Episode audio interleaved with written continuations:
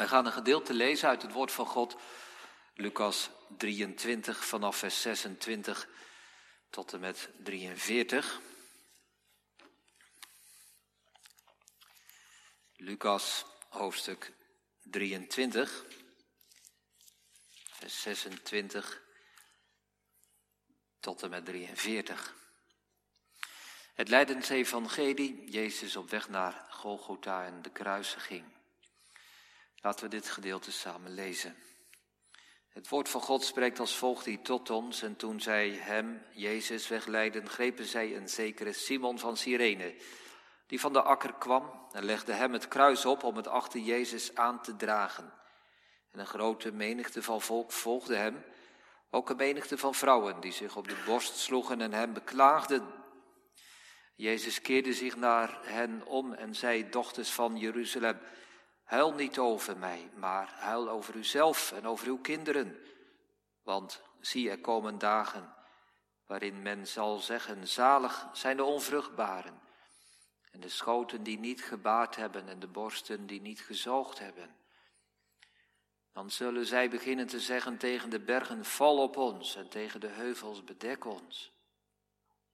Want als zij dit doen aan het, met het groene hout, wat zal er dan met het dorre gebeuren? Er werden ook twee anderen weggeleid, misdadigers, om met hem ter dood gebracht te worden. Toen zij op de plaats kwamen die schedel genoemd werd, kruisigden ze hem daar met de misdadigers, de een aan de rechter en de ander aan de linkerzijde. En Jezus zei, Vader, vergeef het hun, want zij weten niet wat zij doen. En zij verdeelden zijn kleren en wierpen het lot. En het volk stond toe te kijken, en met hen beschimpten ook hun leiders hem. Ze zeiden, anderen heeft hij verlost. Laat hij nu zichzelf verlossen als hij de Christus is, de uitverkorene van God. En ook de soldaten kwamen hem bespotten en brachten hem zure wijn. En ze zeiden, als u de koning van de Joden bent, verlos dan uzelf. En er was ook een opschrift boven hem geschreven in Griekse, Romeinse en Hebreeuwse letters. Dit is de koning van de Joden. En een van de misdadigers die daar hingen, lasterde hem en zei, als u de Christus bent, verlos dan uzelf en ons. Maar de andere antwoordde en bestrafte hem, vrees zelfs uw God niet, nu u hetzelfde vonnis ondergaat. En wij toch rechtvaardig, want wij ontvangen straf overeenkomstig wat wij gedaan hebben. Maar deze heeft niets onbehoorlijks gedaan. En hij zei tegen Jezus, Heere, denk aan mij, als u in uw koninkrijk gekomen bent. En Jezus zei tegen hem, voorwaar zeg ik u, heden zult u met mij in het paradijs zijn. Tot zover de lezing uit de schrift. De tekst is vers 39. Lucas 23, vers 39. En een van de misdadigers die daar hingen, lasterde hem en zei, als u de Christus bent, verlos dan uzelf en ons. Boven de preek schrijf als thema de linkse moordenaar. Vaak valt de nadruk op die andere, die rechtse. Ik zeg er zo nog wel wat over. Maar ik zou nu in deze dienst de aandacht willen geven aan die linkse moordenaar. Wat was dat voor iemand? Wat voor verschil is er? Wat heeft het ons te zeggen? Ik denk dat het mag om stil te staan bij, bij, bij deze man. De geschiedenis is overbekend. Misschien dat u, dat jij wel dacht bij het horen van de schriftlezing, ja, Weer dat gedeelte, weer die twee moordenaars. Ja, toch wel. In de Leiderstijd telkens weer de mensen in de omgeving van Jezus en hun reactie. Maar nu dus die, die linkse moordenaar, het thema boven de preek. En we kunnen er drie lessen uithalen aan de hand van drie woorden. Het, de eerste les is op grond van het woordje bijna. Die man was bijna behouden. Daar zit een les in. De tweede les is beleiden.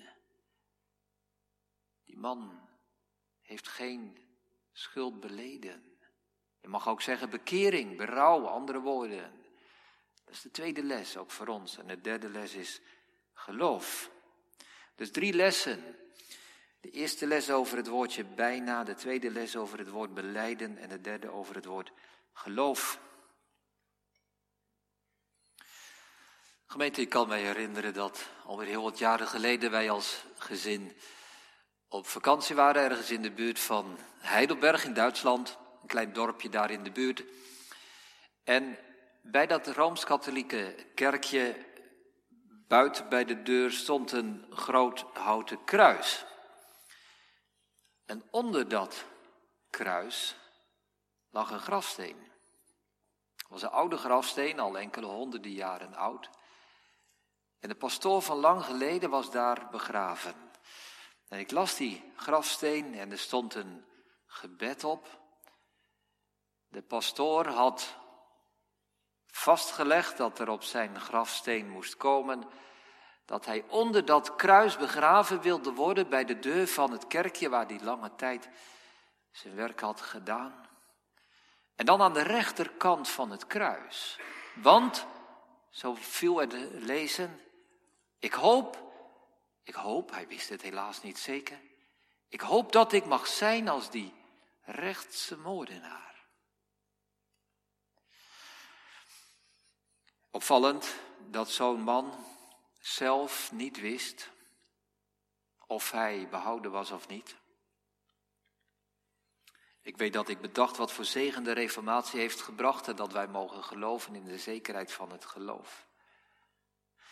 Maar dat ik het nu noem gemeente is vooral omdat die traditie blijkbaar al heel oud is. Om de ene moordenaar, de rechtse moordenaar, te beschouwen als degene die gered is.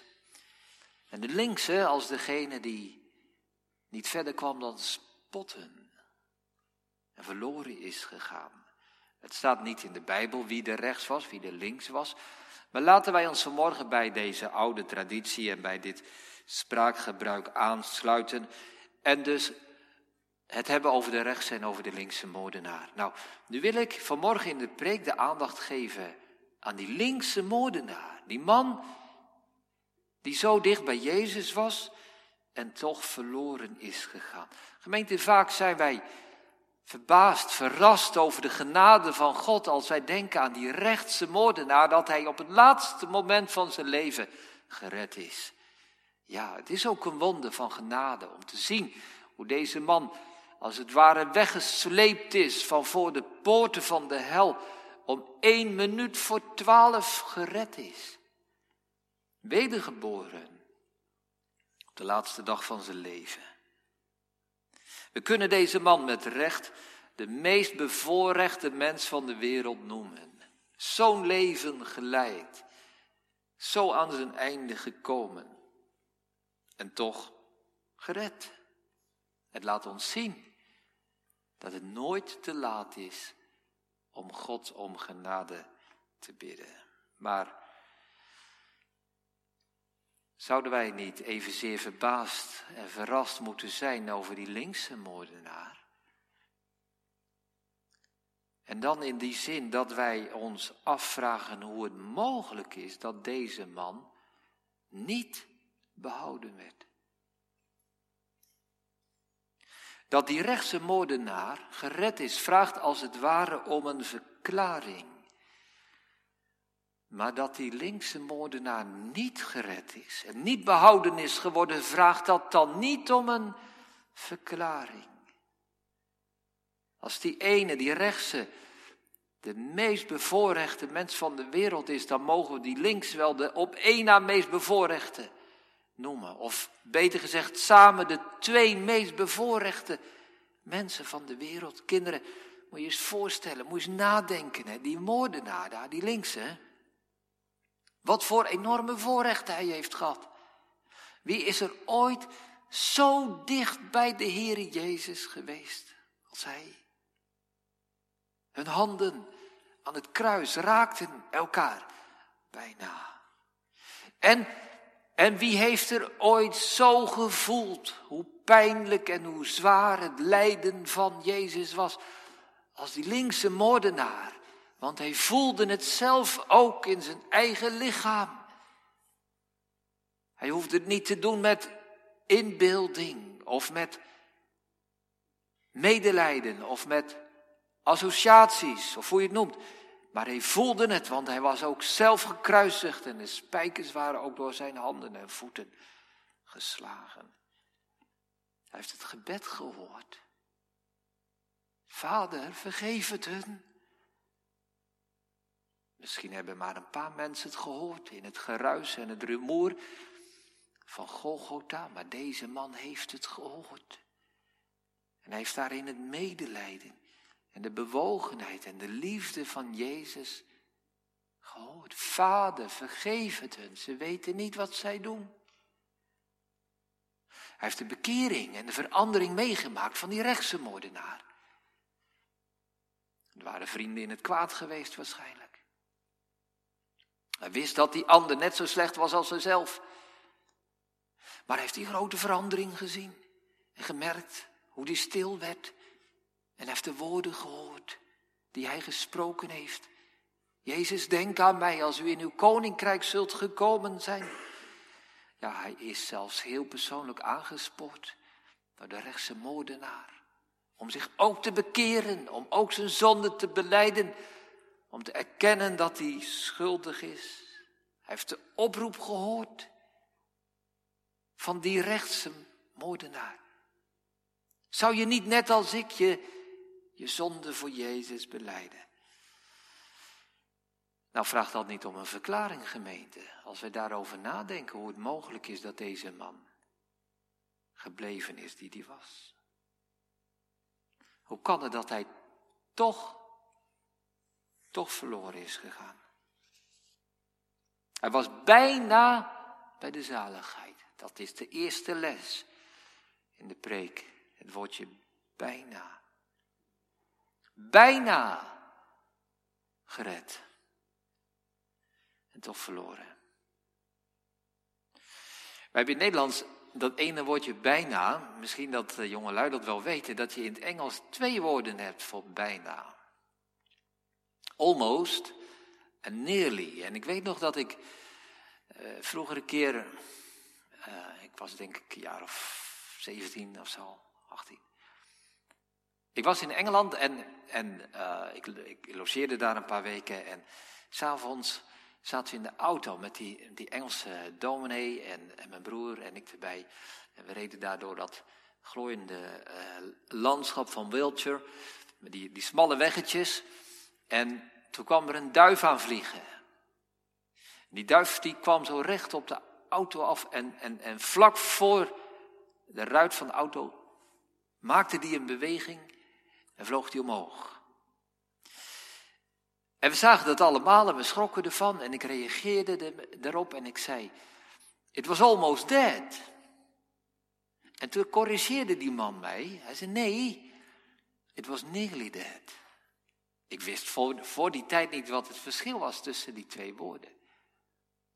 Almost zou betekenen, dat zou je hebben moeten zeggen als inderdaad die duif tegen de ruit was geklapt en dan vervolgens neerkwakt langs de kant van de weg en daar nog een halve minuut leeft en dan dood is. Dan is hij almost dead, bijna dood. Maar nu, hij was op het randje van de dood geweest, maar hij maakte een zwenking en hij was springlevend. Was nearly dead. Totaal niet dood, springlevend. Nou, hoe was het nu met deze man? Was hij almost saved of nearly saved? Hij was nearly saved, hij was er vlakbij. En toch completely lost. Hij was niet op weg, steeds meer, steeds. Bijna ben ik bij de zaligheid. Nee, het is niet iets van een trap en een voortgang die je bereikt. Bijna, bijna gered en toch verloren. En zo zien we gemeente waarom het toch goed is hè, om telkens weer in de lijdenstijd dit gedeelte te lezen en te overdenken. Over de, deze twee mensen, twee moordenaars, twee mensen bij Jezus. Het laat ons zien dat er maar twee soorten mensen zijn. Mensen die gered worden, mensen die verloren gaan. Mensen die kind van God mogen zijn. Mensen die vijand zijn van God. Mensen die gelovig zijn. En mensen die ongelovig zijn. Er zijn maar twee soorten mensen. Mensen die bekeerd zijn, vernieuwd zijn. En mensen die onbekeerd zijn. Er zijn maar twee soorten mensen. Er zijn maar, er zijn mensen die wel erkennen dat er maar twee soorten mensen zijn. En er zijn mensen die niet willen erkennen dat er maar twee soorten mensen zijn. En die rechtse moordenaar die hoorde bij die groep die dat erkende en die wist het. Het is het een of het ander, het is behouden of het is verloren. En daarom dat hij zijn noodkreet naar Christus richtte. Die linkse moordenaar, ja, die hoorde bij die andere groep van mensen die niet geloven dat er maar twee soorten mensen zijn. Hij hield zich daar eigenlijk helemaal niet zo mee bezig, wat zijn bestemming zou zijn. Gemeente, hoe vaak zien we niet bij ons hetzelfde gebeuren? Wat kan er de verleiding zijn om te denken dat er sommige mensen, hè, die bijzondere mensen, zoals die moordenaar, hè, die mensen die zijn gelovig, die zijn bekeerd, die zijn gered. Ja, dat zijn de, de uitzonderingen. Bijzonder als je zo mag zijn. En de rest. Al die mensen die nu niet zijn als die rechtse moordenaar. Hoe zal het hen vergaan? Hoe makkelijk sluipt daar de twijfel naar boven in ons hart? Zouden, zouden al die mensen verloren gaan? Zou er echt zo'n scherpe tweedeling zijn? Is er niet een soort derde weg? Een tussenoplossing voor mensen die, ja, voor mensen zoals wij natuurlijk. Ja, om nu volledig gered te zijn en zeker te zijn van het heil in Christus, dat is wel hoog gegrepen. Maar om nu te zeggen dat ik volledig verloren ben. Zouden er echt maar twee wegen en twee bestemmingen zijn? Zou er een tweedeling gaan, dwars door de gemeente en dwars door de kamers als we thuis luisteren? Hel of hemel, dood of leven, gered of verloren, geluk of ongeluk, zaligheid of rampzaligheid. Hoe denkt u, hoe denk jij over bijna behouden? Hoe zie je voor jezelf dat woordje bijna? Denk je, ja, ik moet op weg, hè? elke dag een stapje. En ik hoop dat ik vandaag een iets beter mens ben dan gisteren. Ja, en gisteren was het eigenlijk niet zo'n fantastisch, fantastische dag. Als ik denk aan mijn zonde, ja. Ja, dan voel ik me eigenlijk weer een stapje teruggaan. En dan twijfel ik weer. Nou kijk, dat is het woordje almost. Hè? Alsof de weg van de zaligheid de manier is om stapje voor stapje een beter mens te worden. En dan te hopen dat je er bijna bent. Hè? En de dag, laatste dag van je leven doe je nog één stap en dan ben je er. Jarenlang bezig. Nee, dat is niet wat de Bijbel ons zegt. Het is niet stapje voor stapje beter mens worden en meer zekerheid krijgen. Het is in één keer volledig behouden zijn in Jezus Christus. Of in één keer erkennen dat wij volledig verloren zijn. Laten wij niet zijn als die linkse moordenaar. Laten wij niet tevreden zijn met wat misschientjes, met wat waarschijnlijkheden, met wat kansrekening. Laten we zijn zoals die rechtse moordenaar. Die alle hoop op zichzelf opgaf en alle hoop op Christus plaatste. Dat is onze eerste gedachte, gemeente. Wie niet sterft als de rechtse moordenaar, sterft als de linkse. Gaan naar onze tweede gedachte. De tweede les, beleiden. Ik heb wat zitten aarzelen in de voorbereiding hoe ik dit tweede punt zou noemen, of ik het beleiden zou noemen, of bekering, of dat ik berouw zou kiezen. Er is allemaal wel wat te zeggen. En ik heb uiteindelijk voor beleiden gekozen. Ik ga dat zo wel uitleggen. Als ik dat woord bekering kies, dan denkt u, dan denk jij misschien, ja, die, die, die rechtse man, die werd bekeerd. Of ik moet mij bekeren, maar, maar wat is dat? Hoe doe ik dat? Hoe houd ik dat vol? Hoe weet ik of ik dat kan? Ja, dat zijn allemaal vragen die wij, die wij kunnen hebben. Nou gemeente, ja inderdaad, die man die werd bekeerd, die rechtse moordenaar. Maar wat deed hij? Wat gebeurde er? Hij ging beleiden. Hij ging zijn zonde beleiden. Hij vroeg om vergeving. Dat is eigenlijk bekering. Bekering is je zonde beleiden en vragen om vergeving. Hij had berouw.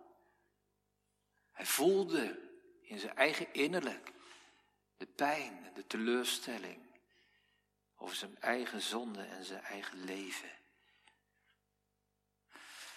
En dan komt de vraag, gemeente, want ik blijf die vraag wel vasthouden. Hè. Het vraagt om een verklaring dat die linkse moordenaar nu niet behouden is. Hoe kan dat?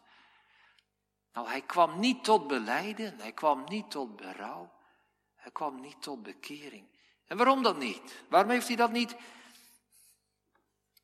eenvoudig gedaan? Hij hoefde maar zijn zonde te beleiden en te vragen om vergeving.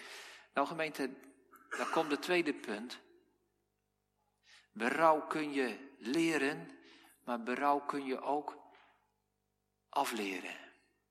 Als wij elke kans in ons leven voorbij hebben laten gaan, dan zullen we zeer waarschijnlijk ook de laatste kans in ons leven voorbij laten gaan.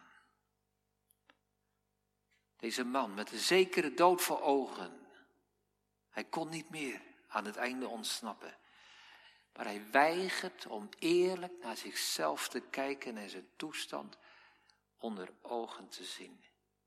Hij had de kans van zijn leven, hè? De zaligmaker zo dichtbij. Hij hoefde maar te fluisteren en Jezus zou het gehoord hebben. Maar hij deed het niet. Hij had alleen maar over vragen, Heere, denk aan mij deed het niet. Hij had het voorbeeld maar hoeven volgen van die andere moordenaar. Maar hij deed het niet. Nou, hier zit een waarschuwing in voor ons. Laten wij het niet uitstellen, gemeente.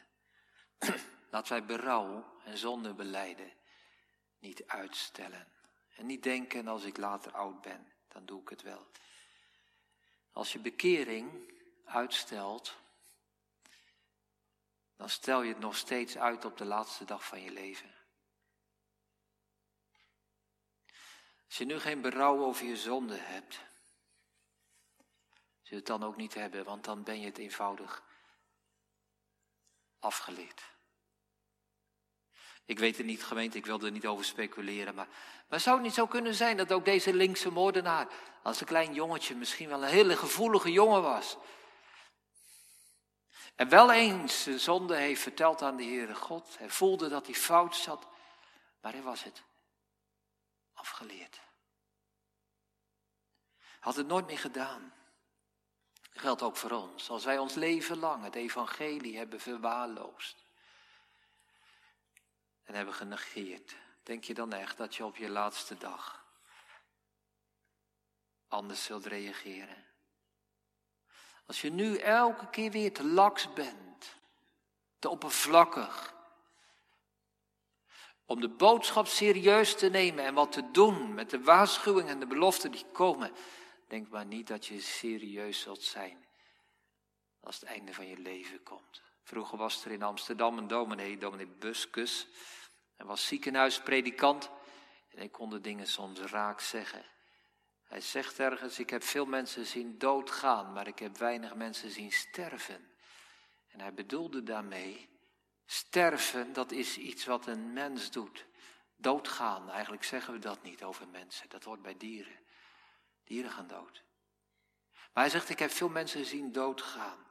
Ze hebben oppervlakkig en onnadenkend geleefd en ze stierven oppervlakkig en onnadenkend. Ja, gemeente, ga daar maar vanuit. Wij sterven zoals wij geleefd hebben. Je kunt wel hopen op een late bekering, zoals die rechtse moordenaar. Maar meestal wordt het te laat.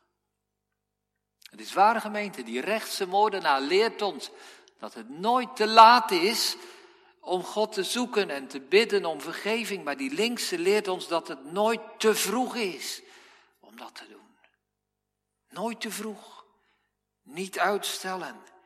Deze man, hij sterft zoals hij leefde. En de weinige adem die hij nog heeft. Het doet hem pijn om iets te zeggen. Elke ademtocht van een gekruisigde was een marteling. Maar de weinige adem, adem die deze man nog heeft, waar gebruikte die voor? Om te bidden? Nee, om te spotten. Hoe komt die man ertoe om te spotten? Ja, hij heeft zijn hele leven gespot. Hoe komt die man ertoe om te vloeken en te schelden? Hij heeft zijn hele leven gevloekt en gescholden. Zo was zijn leven. Zo is zijn sterven. Hij weet wie je naast hem hangt. Hij weet dat die man Jezus heet. Zaligmaker. Hij weet het. Dat deze man alleen maar goed gedaan heeft in zijn leven. Maar in zijn hele leven heeft hij niet in deze Jezus geloofd. En nu hij aan het einde gekomen is en hij gekruisigd is naast Jezus, gelooft hij nog steeds niet. Spot en ongeloof kenmerkte zijn leven. En vloeien nu in die laatste uren van zijn bestaan samen in spottend ongeloof en in ongelooflijke spot. Hoe zal ons einde zijn, gemeente? Als je hele leven vol is geweest met vloeken en schelden, dan zul je vloekend en scheldend sterven, verwacht ik. Nou zeg je, zo is mijn leven niet. Nee, ik spot niet, ik vloek niet. Ik ben een goede burger, ik ben een nette christen. Ja, maar, maar als je leven, als je hele leven bestaan heeft uit twijfel en aarzeling en uit jamaars, dan ben ik bang dat ik moet voorspellen dat je op je sterfbed nog steeds aarzelt en nog steeds twijfelt en niet verder komt dan ja maar. Wij sterven zoals we leven. Ja, zeg je maar, als de eeuwigheid op mij afkomt en als ik besef dat ik voor de poort sta, voor het oordeel van God, dan zal die druk en dan zal die indruk daarvan wel zo zwaar wegen dat ik zal gaan geloven, dat ik mij zal gaan bekeren, dat ik mijn zonde vol. Nee, nee, geloof dat maar niet. In die zin zal je sterfdag niet anders zijn dan elke dag van je leven. Dat geldt ook voor ons gemeente als wij mogen weten dat wij gelovigen zijn. Als wij zijn gekomen tot Christus Waarom is het nodig om elke keer ons te oefenen in berouw? Waarom zegt Psalm 25 het? De dichter van Psalm 25 denkt terug aan de zonde van zijn jeugd. Is dat omdat hij nog niet zo goed zicht had helpen op vergeving? Moet je gewoon allemaal vergeten? Nee, nee. Hij stelde de zonde van zijn jeugd weer voor ogen, omdat hij zich wilde oefenen in berouw, in beleiden, in bekering. Want gemeente, als wij het niet doen, dan leren wij het af. Dan leren wij het af. Deze moordenaar had nooit enige aandacht aan zijn ziel besteed en daarom deed het nu ook niet. Alles was op zijn lichaam gericht. Hij zegt het dan ook. Als u de Christus bent, verlos dan uzelf. En ons uiteraard. Ja, verlos ons van dat kruis. Verlos ons van die pijn. Red ons voor het leven.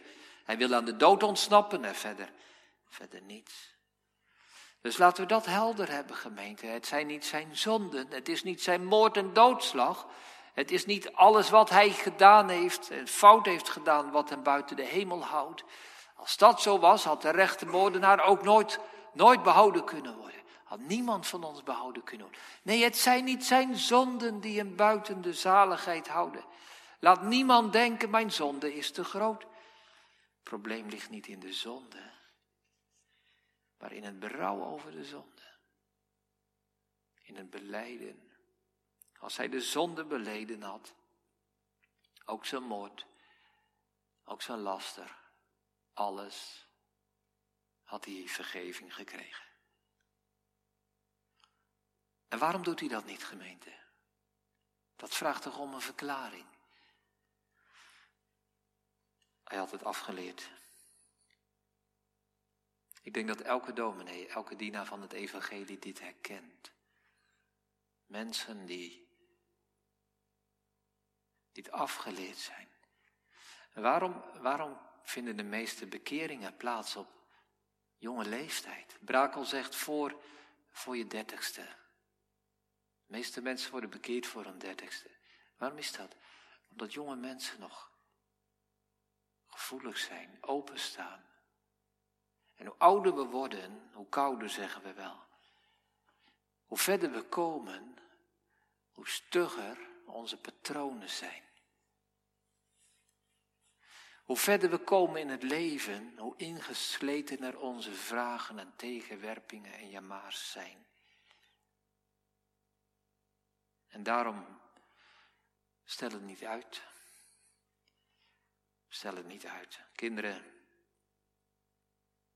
als je verkeerde dingen hebt gedaan, vertel het aan God. Dat is berouw. Dat is beleiden. Vertel het aan God. Wees eerlijk. Het doet misschien pijn van binnen hè, als, je, als je dat moet gaan zeggen. Ik heb dingen verkeerd gedaan. Ja, dat noemt de Bijbel berouw. Begin daar maar mee. Wanneer? Nu, vroeg, als kind. Want daar gaat dit gedeelte over. Alle mensen doen verkeerde dingen. Allemaal. Het is niet dat de ene goed was en de ander slecht. Het waren allebei moordenaars. Maar dit gedeelte gaat over mensen die berouw hebben of niet. Wij moeten daar ons in oefenen om het aan God te vertellen. Want kinderen, je zou toch niet graag willen dat jij zou moeten sterven net als die linkse moordenaar. We krijgen die belofte, als we nu al leren om ons hart voor God uit te storten en te vertellen wat er leeft, goed en slecht. Ook onze zonden. Om te vragen om vergeving, dan belooft God. Dan belooft God dat wij straks mogen sterven als de rechtse moordenaar. En bij hem mogen zijn in het paradijs. En zo gaan we naar onze derde gedachte, onze derde les. De eerste les ging over het woordje bijna tweede over beleiden, berouw, bekering. De derde les gaat over geloof. Misschien zegt iemand, ja maar als Jezus dan zo bewogen is, hè. Als Jezus zo'n vriendelijk en mild en liefdevol hart heeft, waarom heeft Jezus dan niet, waarom heeft hij niet ook die linkse moordenaar een nieuw hart gegeven en veranderd? Is het evangelie toch, toch niet moeilijk. Zit er uiteindelijk niet een grote willekeur in? De ene wel, de ander niet. Links of rechts. Kunnen we toch die pastoor niet begrijpen? Ja, je weet maar nooit of ik, of ik begraven word als de linkse of als de rechtse moordenaar. Want kijk nou eens, deze man, hè, misschien een beetje ruwe bolste blanke pit.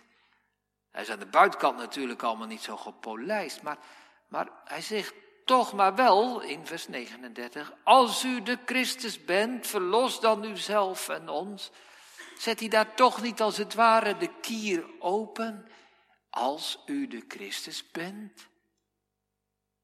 Zegt hij eigenlijk niet, nou ik wil daar toch wel over nadenken. En, en, en als u het echt bent en u overtuigt mij, dan, ja, dan, dan zal ik in u geloven. Fariseeën zeiden dat ook. We lezen dat in Matthäus 27.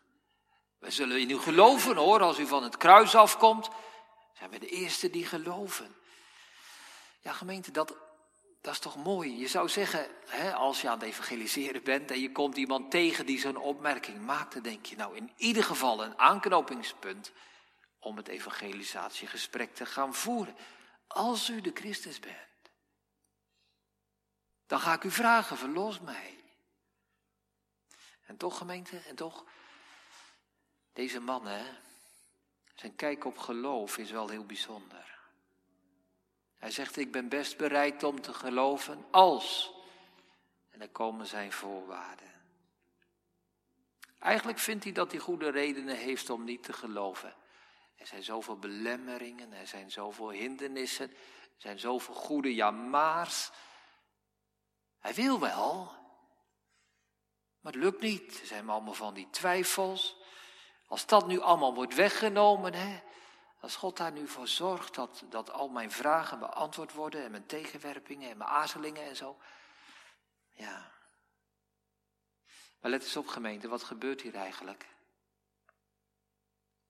Deze man, die vindt dat zijn bereidheid om te gaan geloven een soort, een soort gunstbewijs voor Jezus is. Ik wil wel in u gaan geloven als.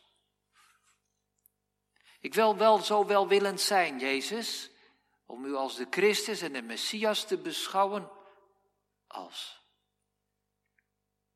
Het klinkt zo ongeveer, Jezus, u zult wel blij moeten zijn met mij als ik in u ga geloven.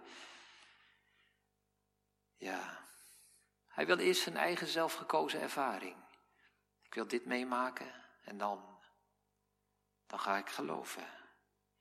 Maar gemeente, zo is het niet. Zo werkt de Heer Jezus niet. Als wij geloven, is dat niet om, hè, om God een bij wijze van spreken om God en om de Heer Jezus een plezier te doen. Dat er toch nog mensen zijn die in Hem geloven.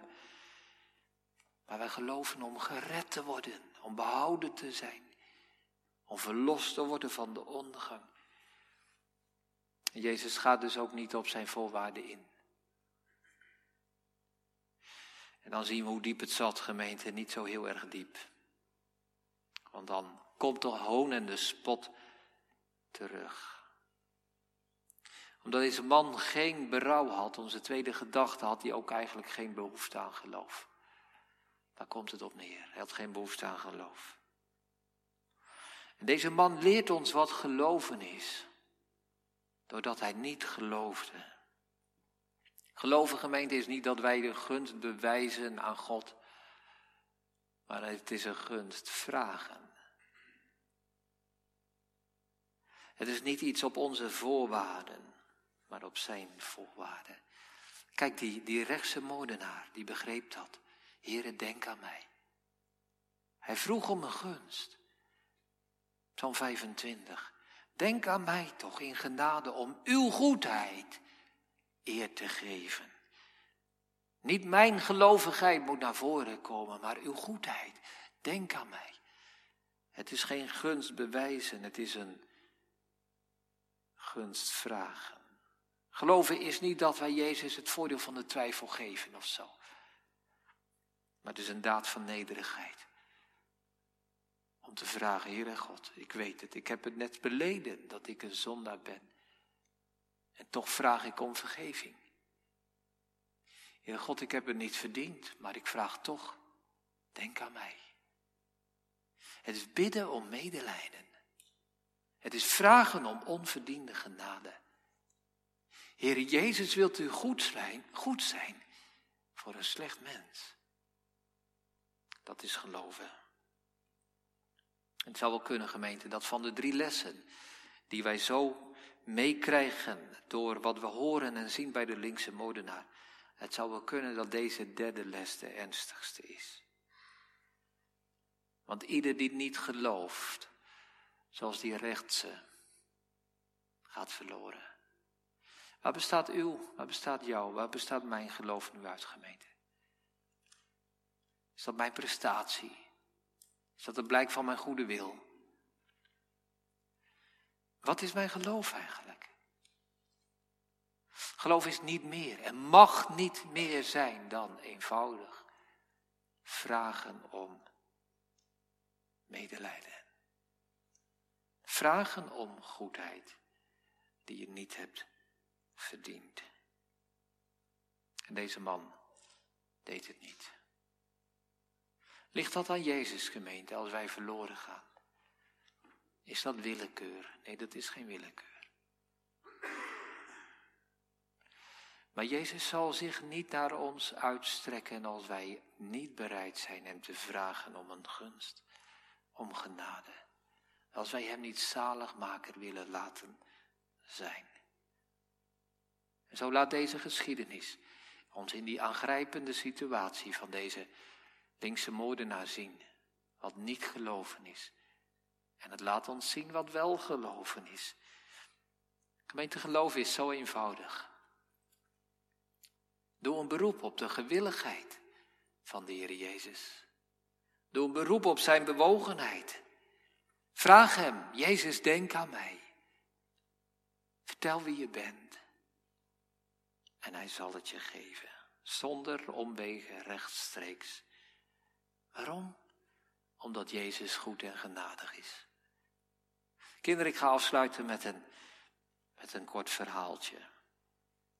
Het schijnt dat er ergens in Engeland een, een grafsteen is waar een spreuk op staat.